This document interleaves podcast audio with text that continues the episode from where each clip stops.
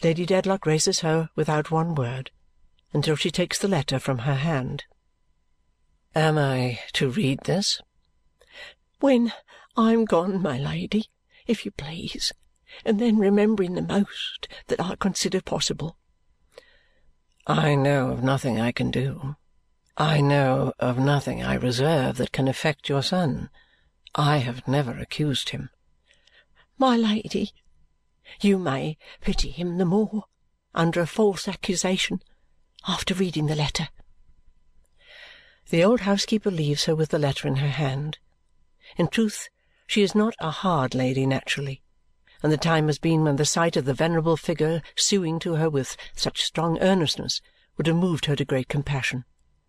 But so long accustomed to suppress emotion and keep down reality, so long schooled for her own purposes in that destructive school which shuts up the natural feelings of the heart like flies in amber and spreads one uniform and dreary gloss over the good and bad, the feeling and the unfeeling, the sensible and the senseless, she had subdued even her wonder until now.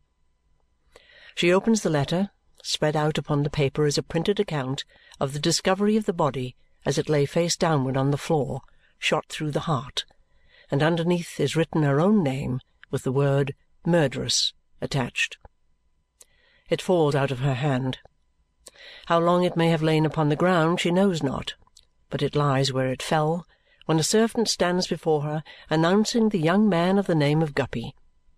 The words have probably been repeated several times, for they are ringing in her head before she begins to understand them. "Let him come in." He comes in. Holding the letter in her hand, which she has taken from the floor, she tries to collect her thoughts. In the eyes of Mr. Guppy she is the same Lady Dedlock, holding the same prepared, proud, chilling state.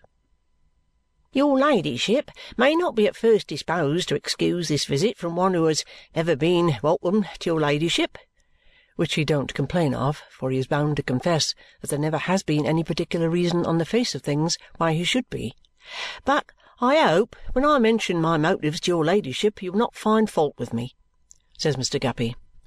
Do so. Thank you, your ladyship.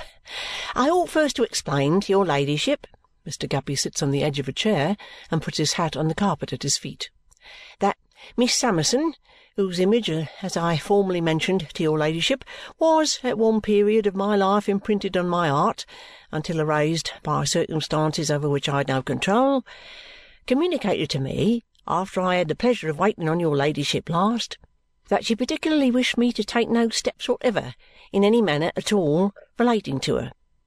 And Miss Summerson's wishes being to me a law, except as connected with circumstances over which I have no control, I consequently never expected to have the distinguished honour of waiting on your ladyship again. And yet he is here now, Lady Dedlock moodily reminds him.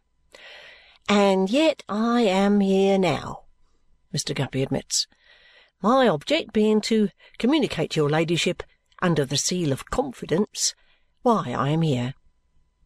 He cannot do so, she tells him, too plainly or too briefly.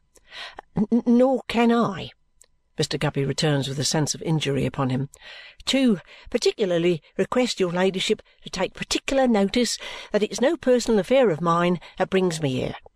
I have no interested views of my own to serve in coming here. If it was not for my promise to Miss Summerson and my keeping of it sacred, I, in point of fact, shouldn't have darkened these doors again, but should have seen them further first." Mr. Guppy considers this a favourable moment for sticking up his hair with both hands.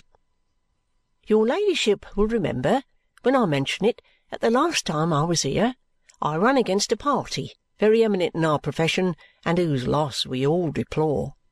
That party certainly did from that time apply himself to cutting in against me in a way that I will call sharp practice, and did make it, at every turn and point, extremely difficult for me to be sure that I hadn't inadvertently led up to something contrary to Miss Summerson's wishes.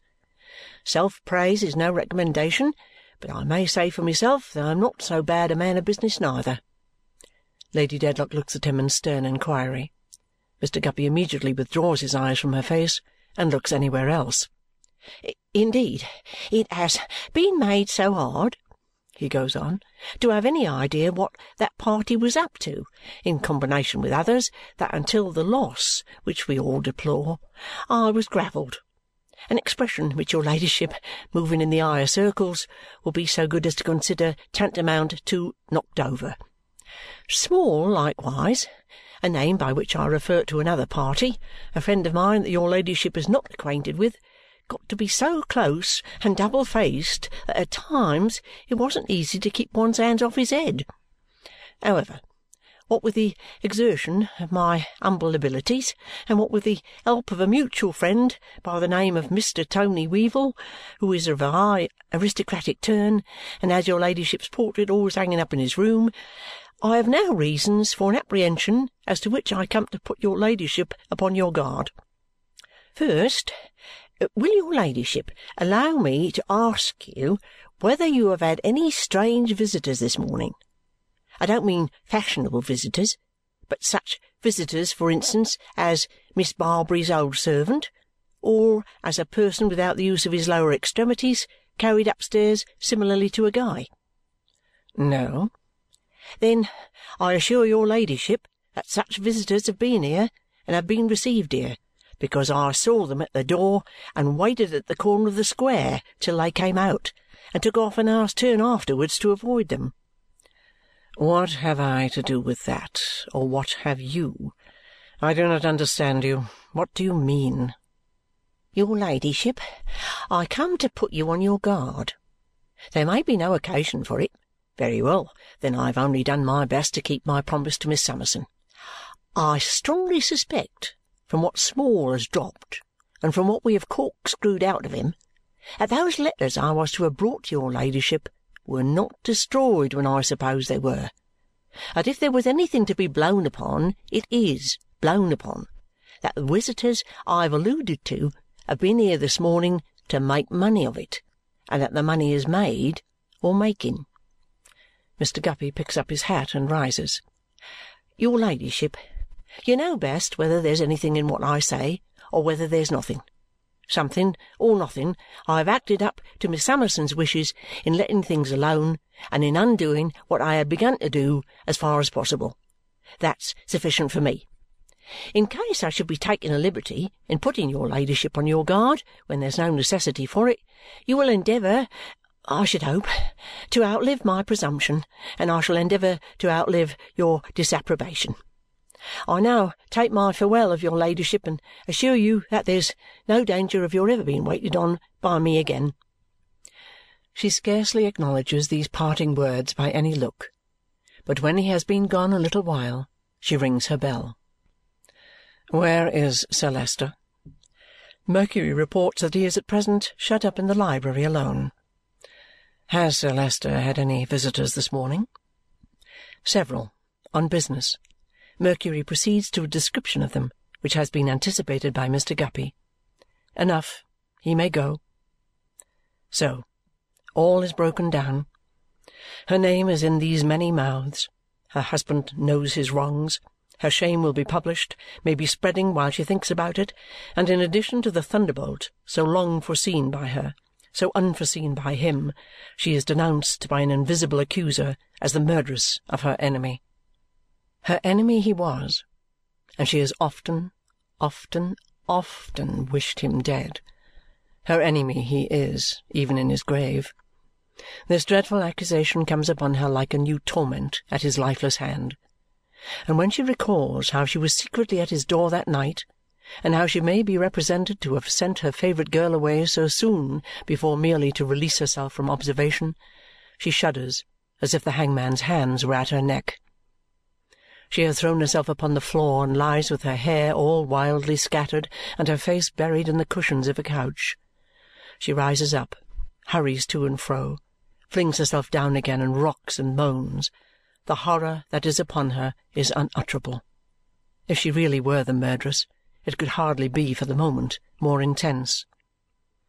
For as her murderous perspective, before the doing of the deed, however subtle the precautions for its commission, would have been closed up by a gigantic dilatation of the hateful figure, preventing her from seeing any consequences beyond it, and as those consequences would have rushed in, in an unimagined flood, the moment the figure was laid low, which always happens when a murder is done, so now she sees that when he used to be on the watch before her, and she used to think, if some mortal stroke would but fall on this old man and take him from my way, it was but wishing that all he held against her in his hand might be flung to the winds and chance sown in many places. So, too, with the wicked relief that she has felt in his death. What was his death but the keystone of a gloomy arch removed, and now the arch begins to fall in a thousand fragments, each crushing and mangling piecemeal. Thus a terrible impression steals upon and overshadows her that from this pursuer, living or dead, obdurate and imperturbable before her in his well-remembered shape, or not more obdurate and imperturbable in his coffin bed, there is no escape but in death. Hunted, she flies. The complication of her shame, her dread, remorse, and misery overwhelms her at its height, and even her strength of self-reliance is overturned and whirled away like a leaf before a mighty wind. She hurriedly addresses these lines to her husband, seals, and leaves them on her table. If I am sought for or accused of his murder, believe that I am wholly innocent. Believe no other good of me, for I am innocent of nothing else that you have heard, or will hear, laid to my charge. He prepared me on that fatal night for his disclosure of my guilt to you. After he had left me, I went out on pretence of walking in the garden where I sometimes walk, but really to follow him and make one last petition that he would not protract the dreadful suspense on which I have been racked by him. You do not know how long, but would mercifully strike next morning. I found his house dark and silent. I rang twice at his door, but there was no reply, and I came home. I have no home left. I will encumber you no more. May you, in your just resentment, be able to forget the unworthy woman on whom you have wasted a most generous devotion, who avoids you only with a deeper shame than that with which she hurries from herself, and who writes this last adieu. She veils and dresses quickly, leaves all her jewels and her money, listens, goes downstairs at a moment when the hall is empty, opens and shuts the great door, flutters away in the shrill frosty wind.